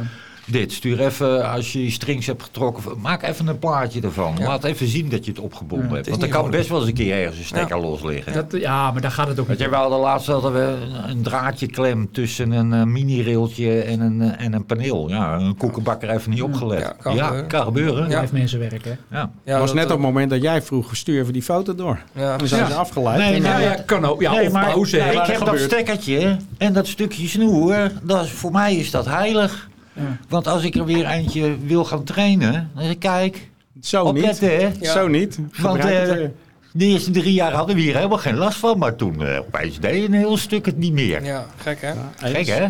Nou, maar dat wordt wel een, eh, wat je net zegt over die verdeelrichtingen met onze accuopslag, met een stukje auto die bidirectioneel gaat laden in, in een verdeelrichting. Ik heb, al, ik heb de voorspelling al gedaan, elke meterkast in Nederland moet vervangen worden. Elke Ja, kast. dat kan niet anders. Hè, want we gaan, we- we- ik ben nu een tijdje aan het experimenteren met, eh, met dynamisch energietarief. Eh vind ik een ontzettend leuke hobby. Ik kan ook iedereen aanraden om dynamisch te gaan. Het is veel goedkoper dan eh de tra- traditionele. Ik hoorde vandaag toevallig dat Vattenval, die had een geste gedaan. Want ze gingen de prijzen halveren. Nou, Ja. dat- Halveren. Ja. Ja. Halveren. Bedenk Nog steeds dubbel te ze veel. Ging, ze gingen naar 1,38 euro voor een kubje gas. Weet je, wauw, we gaan de lente in, hè jongens. Ik weet niet. Eh, die prijzen die gaan verder dalen. Het, is, het, het verdienmodel van die bedrijven is werkelijk schandalig. Ja. Maar goed, dat daar gelaten. Hè. Ehm, eh, die bedrijven die gaan zometeen... In elke woning moeten ze de hoofdaansluiting opnieuw gaan doen. Hè, als we eh, een beetje de vermogens gaan laten toenemen. Eh, elke verdeelrichting zal uiteindelijk moeten vervangen gaan worden. Ehm, we staan aan de vooravond. Joh, je dacht dat PV groot was? Nou joh, weet je, dit is, is pas, pas kind- begin. dit is kinderspel. Joh. Het is het begin. Kinderspel. De bewustwording hè, van je, wat er gevraagd neerzetten. wordt. Ga een De- accu neerzetten, weet je. Een accu. Hoe wou je... Kijk, een accu, hè, we hebben het wel vaker over gehad. Wat zijn nou precies de risico's van accu's? Ja, dan, dan, dan krijg je van die mooie plaatjes te zien waarbij accu's gaan branden. Hè, dat is, vind ik altijd erg gaaf. Als het branden gaat, hè, dan... Nou, de thermal, thermal gewoon runaways. thermal runaways. Gevaarlijk. Ehm, hè, maar goed, dan schijnt lithium-fosfaat schijnt alweer een stuk eh, meer solide te zijn. Maar hoe gaan wij controleren als het ding bij mevrouw Jansen op de hoek staat? Dat het ding geen schade heeft gehad, dat hij niet een keer ergens van de pallet afgelazerd is. Eh, weet ik veel wat allemaal. Hoe gaan wij dat bijhouden? Dat ga je niet controleren. gaan we niet kunnen controleren. Hoe gaan wij überhaupt kunnen Maar- meten Maar aan een accu dat die veilig is? maar dat betekent dus, hè, helemaal eens, maar dat betekent alweer aan het begin, heb je het juiste product Ja. gekozen voor de toepassing en kan je die dan ook veilig doen. maar dus waar, ga je, en waar ga je hem neerzetten? Ja, Hè, dat dat is dan de volgende stap. Ga, ga je hem in je woonhuis zetten? Ga je hem onder je, mijn verdeelrichting zit onder mijn trap. Niet een hele fijne locatie. Hè, vorige bewoners. Ah, weet je wat het voordeel is, Allard? Er zijn nu nog geen normen voor huis. Alles wat er is, is Ja. groter. Dus voor huizen Dus we maakt het gaan niet gewoon weer uit. hetzelfde krijgen als met PV. We gaan gewoon weer boven Slepen we de trap op, is die vijf keer naar beneden gegleden, want die dingen eh, zijn niet te De brandweer hier heel erg mee bezig is. Ja, maar goed, die de kan brandweer niks. mag ermee bezig zijn. Die, die Ja, hebben nu niet niks, die kunnen nergens op terugvallen. Want die maar mogen die niet hebben wel achter... invloed op ja, dat klopt. Maar Dus die, die kunnen nog steeds niet achter de voordeur nu kijken. Die kunnen nu, er zijn geen normen. Het enige wat ik altijd zeg nu, je hebt de handleiding van de fabrikant. Nou, lees die door. Nou, je kan hem gewoon onder de tafel laten. Je kan hem in, het wc, in de wc ophangen, want daar heb je niks aan. De handleiding Nee. van de fabrikant, daar staat niks in. Daar komt Ja, natuurlijk wel moet wat. natuurlijk gewoon in het bouwbesluit geregeld Maar hoe lang duurt dat voordat Ja, dat... dan wordt het eerst fout gewoon- gaan. Wie durft hier nou even te roepen? Laten wij nou eens eventjes... We zijn de voorlopers Ja, hier, hè? ja. We zijn de, de, de allereerste technische podcast op een hoger niveau. Laten wij nu toch eens een keer roepen van... Jongens, oké, luister, die accu... Hè, die moet je helemaal niet binnen gaan zetten. Die moet je buiten gaan zetten. Waarom niet? Omdat je zo meteen, als die inspecties gaan komen, het grootste gezeik gaat krijgen. Daarom. Dus, iemand Maar daar moet wel voor geschikt zijn. Ja, of, Ook, dan moet de of, of in een ruimte die er wel geschikt voor is. Gecom- gecompartimenteerd. Hè? Ik was Of laatst een bij product wat we er hebben geschikt voor een- is. We hebben meerdere innovatieve Nederlandse accufabrikanten gehad. Eh, hè, en nog steeds gelukkig hebben we ze. Ik was er van de week bij eentje. Ehm, en die hebben alles neer. Hun testruimte is 30 minuten brand eh, weer het uitgevoerd en alles. Weet je, zorg ervoor dat Maar ja, je... wat heb je daar aan Allard? Ik bedoel, Ja. als daar een ding in staat wat in een Tesla zit, wat blijft branden, dan kan je wel 30 minuten, maar Ja, het is maar gewoon totaal los. het is gewoon weg. Ja, maar dat, dat is belangrijk dat je weg kunt komen. En Ja. dat is Ja, maar dat is het enige, maar dan, dat pand is wel weg. Hè? En Ja, dat, is wel... weg. Maar Ik- daarom zeg ik van ga het alsjeblieft buiten doen. Of in de schuur of weet ik wat. Maar zorg ervoor dat het buiten je installatie is. Maar goed, en dan gaan we een stapje verder. Hè? Want ik heb die discussies natuurlijk ook wel gehad. Ik heb hiervoor natuurlijk wat grootschalig batterijen eh, geplaatst. Ook met alle problematieken van dien. Hè? Wie roept wat. En dan op een gegeven moment vraag ik wel eens aan, eh, aan mensen die daar wat van vinden. Van, joh, maar hoe, wat doen we dan in de parkeergarage? Ja. Ja. Er staan Onder tien, de te- VVE. Ja. 10 Tesla's naast elkaar. Er staat er meer dan een megawattuur. Als die in brand gaat, is hij niet te blussen. Dat weten we allemaal. Want dan moet hij in een bak water. Ja, dat is zo. En dat vinden jullie goed. En hè? dan gaat hij 48 uur in een bak water Ja. en dan haal je hem eruit. En als je pech hebt, dan gaat hij weer. Ja. Maar dat komt omdat het niet brandt. Het is een chemische reactie. Nee, dat buiten Het zijn- hij brandt, maar er komt zuurstof vrij bij de verbranding. Dus Ja. je kan het, het enige wat je kan doen is koelen, zodanig dat ze niet al die celletjes Ja. tegelijk gaan. Dat is het enige wat je doet. En daarna moet je hem gewoon uit laten branden. Ja. Daarom zeg ik ook, en dat zag je ook al bij risico, dus verzekeraar. Ja, dat kan een half uur zijn, kan een uur brand vertragen. Dat gaat ons niet redden. Nee. Want als je het pand is, het pand gewoon weg. En sommigen willen dat nog bovenaast Nou, de lift op de zesde verdieping dat kan in zetten. een half uurtje gebeurd zijn. Hè? Dat hebben ze op de Markenwadden toch gehad. Ja. Nou, Je slaat je een half uur aan. precies. Nou, maar dat is dus wel een Maar probleem. We, zijn het erover eens dat we eh, hè, de lobbyjongens, even ik weet niet of ze in Den Haag meeluisteren. Hè. Ik zou het wel aanraden, sowieso abonneren hè, hier op de podcast, belangrijk. Hè, maar eh, eh, als ze in Den Haag meeluisteren, accu's jongens, doe het alsjeblieft buiten. Nou ja, of, of, ga, Of in een speciaal daarvoor ingericht. Nou, maar laten we eerst eens gaan kijken wat voor ook. producten er überhaupt op de markt zijn. En niet op basis van prijs gaan aanschaffen. Dat is weer hetzelfde. We hebben vakmanschap nodig. We hebben kennis nodig. Nou, er is kwaliteit nodig. Dat vraagt ook wat van de markt. Het vraagt natuurlijk veel meer. Hè. We zien nu al best wel wat partijen die natuurlijk wel batterijen willen verkopen. En die komen dan in systemen die daar niet voor geschikt zijn. Hè, Wat- trek je één keer- batterijen zijn beter leverbaar als omvormers Ja. op dit moment. Ja, ja, de magazijnen staan ook nu vol met batterijen. Alleen niemand koopt het. Ja, wie, dat wie heeft dat verzekerd trouwens? nou, Ja. nee, maar ja. Ik, weet, ik ben er sinds deze week achter hoe deze truc gelopen wordt. Ja. Nee hoor, dat is, een grapje. Ja. Maar ik ken een partij die eh, blijkt nu opeens best wel omvormers eh, te hebben. Maar dat zijn wel accu-voorbereide Ja. omvormers. En die worden alleen maar verkocht in Met een combinatie met, een accu. Ja. Ja, dat is natuurlijk ook eh, een manier. Nee, maar we, we zien dat we hier heel erg, dat is terecht wat Allah ook zegt. We gaan hier straks dezelfde fouten maken als dat we in het begin met PV. We denken eerst... Ah, het hoeft niet. Nee, nee, nee, maar Maar- dat, dat is wel Nee. wat er gaat... Maar als, we niks doen, ja, dan gaan we dan hetzelfde doen. zeker. Weet je, we hebben een magische datum. Hè? Die magische datum is voor mij 1 januari 2025. Ik, verwacht, ik hoop eigenlijk dat we in één keer gaan stoppen met de salderingsregeling. Dat we gewoon in één keer ermee gaan nokken. Trek dat pleistertje er Ja. alsjeblieft af. maar dan moeten we wel nu weten, dan kunnen we voorbereiden. Precies. En dan hebben we, da- daarom, daar Nou, moeten we deze nu week weten. gestemd, hè? Maar in ieder geval voor de ah, joh, afbouw. besluit- de be- Laten we eerlijk besluit- zijn, daar gaan we heel langzaam De besluiteloosheid in Den Haag is het verschrikkelijk om tien jaar. Dat gaat niet gebeuren. Voordat we bij de mij in het verkiezingen bedrijf zijn geweest, gaat het niet gebeuren. Ik geloof er niks van. Weet je, maar uiteindelijk, als we dat nou toch eens een keer konden stoppen. En alle centjes die we daarmee overhouden, als we dan toch zo nodig willen subsidiëren. Geef die mensen die dan uiteindelijk zo'n accu'tje willen aanschaffen. Die maar daarmee de onbalans op het net deels kunnen gaan verhelpen. Want daar schreeuwen ze moord en brand van, heb ik me laten vertellen. Ehm, ehm, al- als we dat nou toch eens gaan initiëren. Als we daar nou eens mee gaan beginnen, hebben we in ieder geval de eerste ergste pijn gehad. Eh, en dan zul je gaan zien, net als in België, net als in Duitsland, dat dat gewoon fatsoenlijk te doen is. Sterker nog, je hoeft helemaal niet te subsidiëren. Nee, Nee, dan krijg ja, je minder voor je ja. kilowattuur als je teruglevert Ja, als dat dat je is- gebruikt. De regelt zichzelf. In- Hebt in niemand combinatie iets met zo'n dynamisch tarief. Ik zei het net al. Op het moment Ja. dat je dus inderdaad, op het moment dat de prijs... Nou, Dennis heeft echt een fantastisch verhaal daarover. Ehm, eh, oh, je bent er ook. Misschien moet je dat verhaal ooit nog eens een keer vertellen. Hè, maar de, de, de, de, de, de- die stroompieken, dat- de prijzen worden steeds... Het verschil wordt steeds groter. Het gaat Ja, de steeds veel spread is worden. breder. Weet je, en we moeten het op gaan vangen. Dan moeten we toch niet gaan subsidiëren dat we Nou, met z'n allen zonne, eh, zonnestroom in de zomer gaan zitten terugleveren. Dan moeten we zorgen dat het in de Maar, we moeten, maar we moeten sowieso stoppen met subsidies. Ja, ik iedere subsidie van. kost er twee. En, Ja. en wie moet het betalen? We moeten het toch Uiteindelijk alle burgers. Uiteindelijk alle laten we burgers. nou daar eerst eens mee Ja, eh, dan houden we En het over en 10 dan 10 miljard over, gewoon toch? slim inregelen van hoe je omgaat met wetgeving en eh, eh, belastingen en dat soort dingen. Ja. Eh, allemaal niet zo ingewikkeld. Jij, jij noemt eh, eh, de energiebedrijven en de puissante winsten die daar op dit moment Ja. gedraaid worden. Dat geldt ook voor de fossiele industrie. Ja, laten we nou even... 44 miljard, jongens. En iedereen mag geld verdienen hoor. Helemaal geen enkel probleem. En je mag ook voor mij een dikke Mercedes rijden. Ook een prima huis in. Spanje met een zwembad. Maar dan houdt het wel een beetje, een keer houdt het ergens op. Ja. Weet je? Maar je, Je, weet ook dat kunt het utopie niet een heel, eh, eh, eh, de, de hele wereldbevolking het mes over de, de of de, hoe noem je dat? Mes op de keel. Mes op de keel zetten Ja, of het vel over de, over de oren. over de oren trekken. Eh, en dan vervolgens zeggen we, "Joe, maar we hebben de hoogste winst in dit kwartaal ever van zoveel miljard. Ja, kom op. Nee, maar dat gaat, Ziekmakend. dat, gaat niet verwij- dat gaat niet verdwijnen. Daarvoor zijn we te ver. Dat Nou, gaat echt ik- niet meer verdwijnen. Het enige wat ik- kunnen doen, ze te ik heb een gen van mijn oma.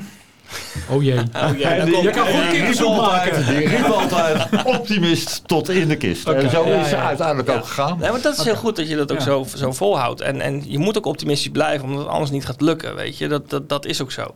Alleen eh, denk ik dat het. eh, Moet wel eh, we realistisch moeten- blijven? Ik, ik hoop dat er in Den Haag een aantal mensen opstaan die ons nu eens een keer gaan volgen. Nou ja, wat je, Dat die lobby van Holland Solartechniek Nederland ook gewoon die richting opgaat. En niet dat salderen. Jongens, we zijn echt beter af zonder salderingsregeling. ik denk, ja, dat zeggen alle vakbroeders. Alleen de mensen gaan denken dat ze het in hun portemonnee gaan voelen. Maar volgend jaar zitten we allemaal aan een dynamisch energiecontract vast. Hè? Of over twee jaar. Het probleem is natuurlijk, het heeft veel te lang gesleept. We hadden, als we het toen al gedaan Ja. hadden, hadden we deel Ja. van de pijn al lang gehad. En nu hebben we het zo gesleept. Ja, en nou zijn ondertussen de inzichten veranderd. De omgeving is veranderd. ja, Ik, moet, ik moet heel eerlijk zeggen dat ik toch wel merk dat. eh, ja, misschien komt dat ook wel een beetje door, door het segment waar we in zitten of zo. Maar 80% van onze klanten snapt dit. Ja, het is toch ook gewoon uit te leggen. Ja. Het is toch uit te leggen. Ja. Het is niet Maar een dan moeten, we, dan moeten we ook gaan ophouden met praten over terugverdientijden. Want dat slaat Nee, maar op dit moment... helemaal stoppen. Dus dat, stoppen. dat- dat slaat op dit moment helemaal nergens meer op. Ten eerste zijn mijn producten veel duurder geworden. Ten tweede zijn die energietarieven bizar. Dus ik kan twee keer zo duur zijn. En dan heb ik nog steeds een terugverdientijd die maar een kwart is van wat het een paar jaar geleden was. Nee, Nee, maar- maar... Stop. Maar ik heb een nieuwe. Die is veel leuker. Die is echt veel leuker. En daar ga je ook kwaliteit mee eh, belonen. Dan ga je zeggen, van luister, hoe lang kan deze installatie die ik jou aanbied, hoe lang kan die mee? En door welke partijen wordt dat hoe en hoe lang en op welke manier gegarandeerd? En dan, dan gaan er echt grappige dingen gebeuren. En dan ga je terugrekenen. En dan ga je even niet over inflatie en rente en al dat soort flauwekul, want dan gla je weer uit. En dan ga je zeggen van, oké, wat is dan uiteindelijk voor hoeveel jaar lang mijn kilowattuurprijs? Ja, maar De dat, is- dat was altijd al is natuurlijk de zo. Alleen dat deden ze vaak niet op die wijze. Nee, dat is niet de dat TCO. Voor de doorsnee Hollander Dat is dat niet de te TCO. Nee, dat is het is probleem. breder als dat. Je moet het maar even. Want dat, daar komt de, de conclusie. Wij hebben een aantal MKB-projecten uitgerekend. Full flex. Dure producten. eh, accu's. Slimme schakelingen. De hele shebang. Goed aangelegd, gewoon. Kunnen we heel langjarig, niet alleen wij. Nee, dat doen die fabrikanten in mee. Heel langjarig kan dat eh, eh, verzekerd zijn. Hè, of eh, gegarandeerd. Ja, ik bedoel, garantie is Ja. altijd een, een, een begrip wat Ja. maar ja, dus ook arbeid, ook dat soort dingen erin. Ook een vervanging van een accu, hè, want die gaat dus een keer na 15 jaar of na 12 jaar of na 10 jaar, het ligt er maar net aan welk Hoe je product je gebruikt. koopt. Moet hij weer, en, en hoe je hem gebruikt, moet hij weer een keer vervangen. Met een scope 12 keuring erbij, met een onderhoudscontract erbij. Dan moeten jullie raden, wat is dan je kilowattuurprijs? En wij werken met dure producten. Ik heb geen flauw idee. 10, 11 cent. Ja, dus uh, klinkt als een plan. Ah. Ja. 20 jaar lang. Ja. Maar Dan wordt het interessant. Maar ook daar weer, dan moet je dus het verschil kunnen uitleggen. Waarom Tegen je de niet aan de voor, prijs, ja, maar waarom Ja. je dus niet Ja. aan de voorkant goedkoop gaat, dat is natuurlijk het hele idee van kieskwaliteit. Maar dat, de grap is, Dennis, dat wij, wij hebben het ook teruggerekend. Oké, we gaan andere producten hierin implementeren. Met andere garantiestellingen. Ja. Ja. Dan gaat mijn prijs giga omhoog. Ja, Ja, in- natuurlijk. voor de investering niet wel. Nee, maar mijn prijs, nee, de, de investering gaat la- omlaag. Maar mijn kilowattuurprijs gaat omhoog. Ja. Weet je, het, het, het belooft buitengewoon interessant te worden. Ik heb een, eh, ik heb een hele eigenwijze buurman. Eh, ik hoop dat hij luistert. Hè, Fransie. Ehm, en Frans is 76 jaar. En Frans die heeft zijn huis afbetaald. Frans heeft een waanzinnig eh, eh, goed leven. Eh, geniet van het leven, gelukkig ook. Ehm, en ik, ik zit regelmatig, zitten wij als twee oude heertjes op zaterdagmiddag aan het bier. Nou, dan kun je een beetje voorstellen wat dat het niveau is. Hè? Ehm, en ik probeer Frans al maanden, zo niet al een jaar, ervan te overtuigen dat hij toch moet overstappen op dynamische energietarieven. Want hij zit bij Slans grootste energieleverancier en daar wordt Oh hij echt, hij wordt gebukt en genomen, elke keer weer. Uh, maar hij wil er niet aan. Hij vindt het allemaal maar moeilijk. Onbekend. Hij vindt het allemaal maar moeilijk. Hij vindt het allemaal maar spannend. En Frans is niet de enige in het land. Hè, om, wij begrijpen allemaal hier, alle vier aan tafel. En misschien dat onze omstanders en de, de, de, technici die hier omheen zitten ook dat wel begrijpen inmiddels. Hè, dat als we even een investering doen, hè, dat uiteindelijk die kilowattuurprijs voor ons gigantisch verschil zal gaan maken. Um, maar dat gaat Frans niet doen. En dat gaat Henk en Ingrid gaan dat ook niet doen. En dat is wel het probleem waar we tegenaan lopen Nou met z'n allen. Dus we zullen moeten blijven roepen. We zullen lange adem moeten hebben. Hè, we zullen tot 2050 dit moeten doorhalen. En op 2050, jongens, heb ik beloofd, dan ga ik met pensioen. Uh, dus dan ga ik Dan het Dan het pas? Dan pas? Hè? Ehm, nou, dan ben ik 66. Vind ik Ja. wel mooi geweest eigenlijk. Maar goed, dat is die Eh, hele bewustwording die natuurlijk het moet zitten. En dat is natuurlijk ook de discussie die we wel eerder gehad hebben. En ik heb dat ook vaak bij opdracht gegeven. Zeg ik, ja, maar wat gingen we nou eigenlijk doen? Gingen we nou zonne-energie doen? Nee, we gingen de energievoorziening Ja, verduurzamen. Ja. Ja. En als je teruggaat naar de basis, wat zijn we nou aan het doen? En dan zeggen we tegen mensen, dus als je nu een kwartje betaalt... en het zou met zon ook een kwartje zijn, dan zou het toch ook moeten doen? Ja. Ja, daar heb je eigenlijk wel gelijk in. Dus er hoeft helemaal niet geld verdiend te worden. Maar als je daar niet mee begint, dan beginnen we gelijk maar over kosten en prijzen ja. en doen. En dan ben je eigenlijk weg. Ja. Ja. Hè, dus je zou eigenlijk het weet doel... je, daar hebben we en onszelf dat wel doet de overheid ook niet natuurlijk. Ik vond het wel zo mooi. Hè? Ik heb vroeger in de sales gezeten bij, eh, bij, bij, bij eh, camera's en televisies en noem het maar allemaal. Ik heb dat vroeger gedaan. En, en daar was het, eh, was het eh, onwijs marge gedreven. Ehm, mensen wilden toen... Wij waren de eerste in Nederland die kwamen met de term altijd goedkoper. Ja. Weet je? En, en je had het gevoel, als je bij ons in de winkel kwam, wa- was je altijd goedkoper uit. Ik kocht alleen een duurdere tv. Ja, nee, we, we hadden iets andere marges. Hè. Dat is een mooi skartkabel. Nou, ik kan er hele, hele uren over Ja. vertellen. Maar uiteindelijk, daar, daar zag ik het al gebeuren. We zijn allemaal kosten gedreven. We Ja. willen allemaal het goedkoopste hebben. We willen allemaal niet te veel Denk- betalen. Denken we. Denken we. Tot je het Hè? uitlegt. Maar we zullen dus echt met z'n allen anders moeten gaan denken. Moeten gaan omdenken. Hè. Pak de casus beet en draai het om, jongens. Weet je, Eh, je betaalt 1,50 euro per kilowatt of eh, 1,50 euro per, per kuub gas. Je bent, als je het om gaat draaien, als je anders gaat verwarmen, wat zou je dan gaan betalen? Hoe lang? Denk niet in terugverdientijd, maar denk in, in rendement voor jezelf of, of in comfort voor jezelf. We hangen een prijskaartje aan comfort. Ja, dat doen we niet. En vastigheid voor welke periode. dat doen we met de keuken Ja, wel. Zet je het Met vast? de keuken doen we het wel. Ja, daar willen we 20 eurotjes aan uitgeven. Met dat de auto doen we het ook. Met de auto Ja, doen we het ook. ja. Weet je, daar ben ik zelf het voorbeeld van. Ik reken niet uit wat het kost per kilometer. Nee, nee, ik ook niet meer. Nee, dat snap ik bij Dat jou. heb ik gehad, die ja, tijd. dat, dat is maar beter ook voor jou nu. Nee, daar heb ik, daar heb ik nog wel een paar, een paar vragen, want we gaan langzaam afronden. Ehm een van de, welke vaardigheden heeft de vakman of vakvrouw eigenlijk nodig in de komende... Nou, er staat tien jaar, maar laten we zeggen in de komende vijf jaar. Wat hebben we echt nodig aan vaardigheden? Wat, is daar je, wat, wat, wat zeg jij daar, Allard, als je daar is... Goh, zo. Want dit, dit is wat we nu nodig Welke hebben. Waar we in, vaardigheden heeft een, een installateur nodig? Ja, het hoeft niet eens een installateur te zijn. Het is meer zeg maar, want het is ook iemand die op het dak alleen maar. Want dat hoeft niet per se de installateur te zijn. Iedereen die nu in de business zit bij ons, in de duurzame, wat heeft hij voor vaardigheden nodig? Ik weet hem. Nou, vertel eens wat mezelf dan. Nou, vertel. Vertel eens. Trots. Trots.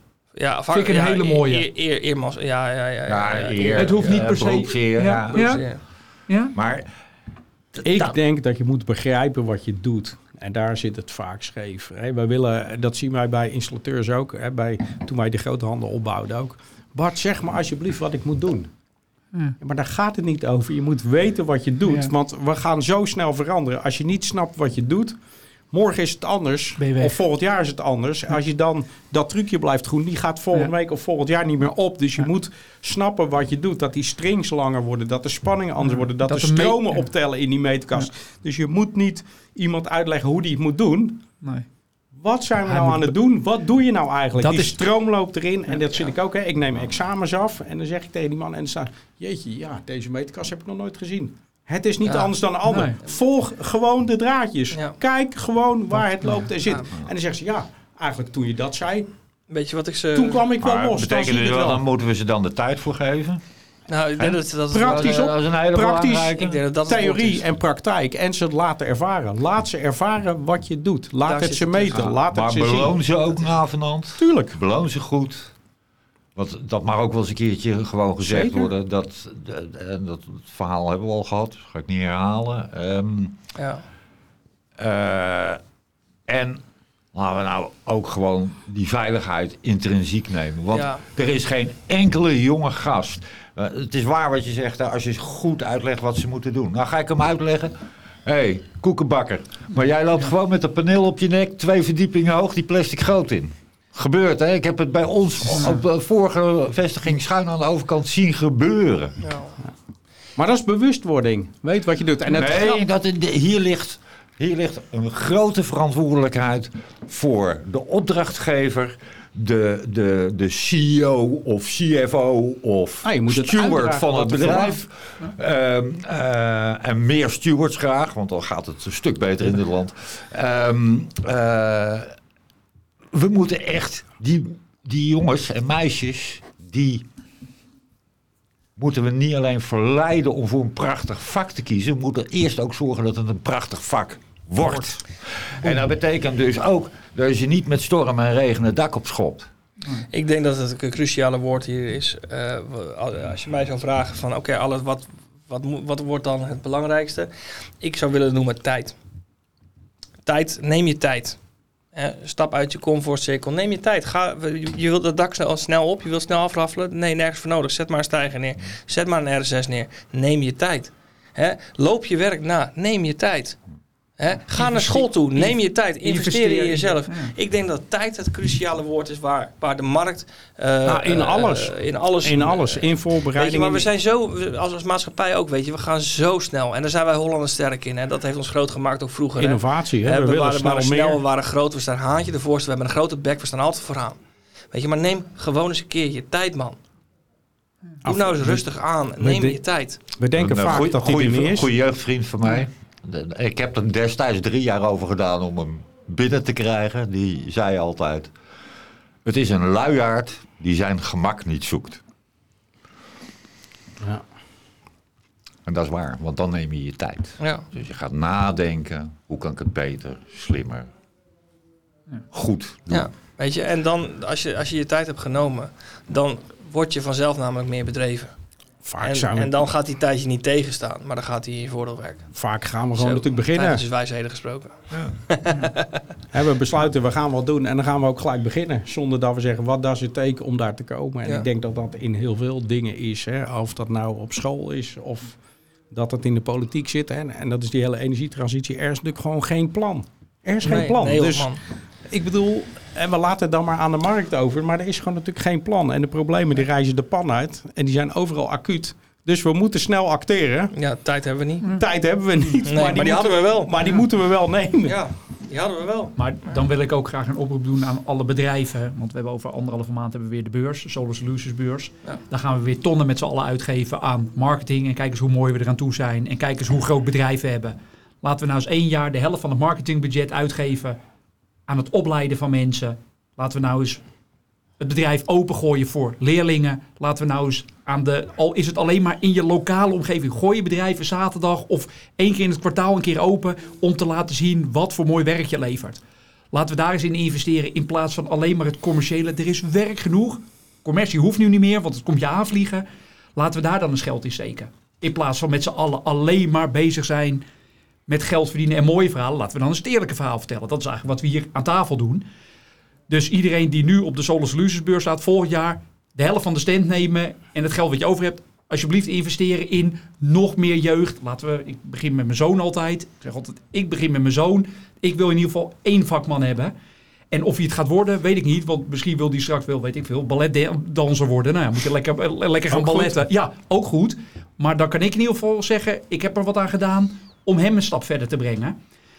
Ehm, dus dat is altijd mijn oproep aan bedrijven. Ga alsjeblieft je, je pand meer opengooien en meer je bedrijf opengooien. Om te laten zien online, dat is het hele kennis delen. Dat is net wat Pascal terecht zei. Laat iedereen naar filmpjes maken. Laten we nou gewoon meer kennis gaan delen met z'n allen.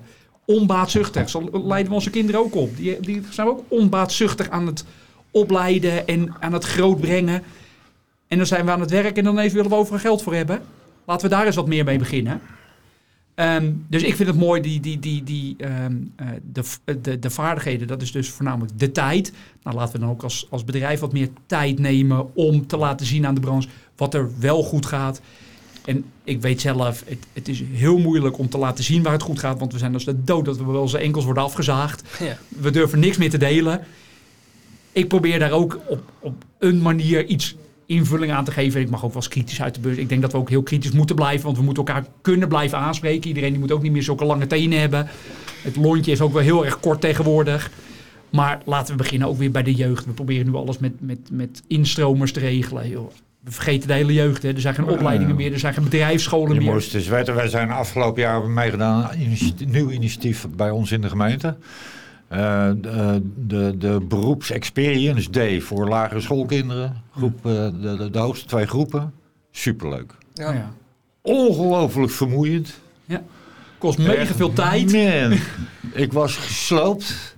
Maar die kids die staan al helemaal blanco in, Die moeten het dadelijk Ja. wel doen. de eh, Maar die in hebben we nodig en we alles, vergeten hè. ze nu. We vergeten iedereen Dus, nu. nou, dus allemaal ja, techn- technische eh, eh, Het is ontzettend leuk hoor. Ik ben ook op basisschool eh, van mijn kinderen eh, geweest, gastles gegeven over. Hè, dan neem je mooi. Het enige wat je mee hoeft te nemen is een paar verbrande schakelaars en je hebt die gast aan, heb je aan je lippen Ja. hangen.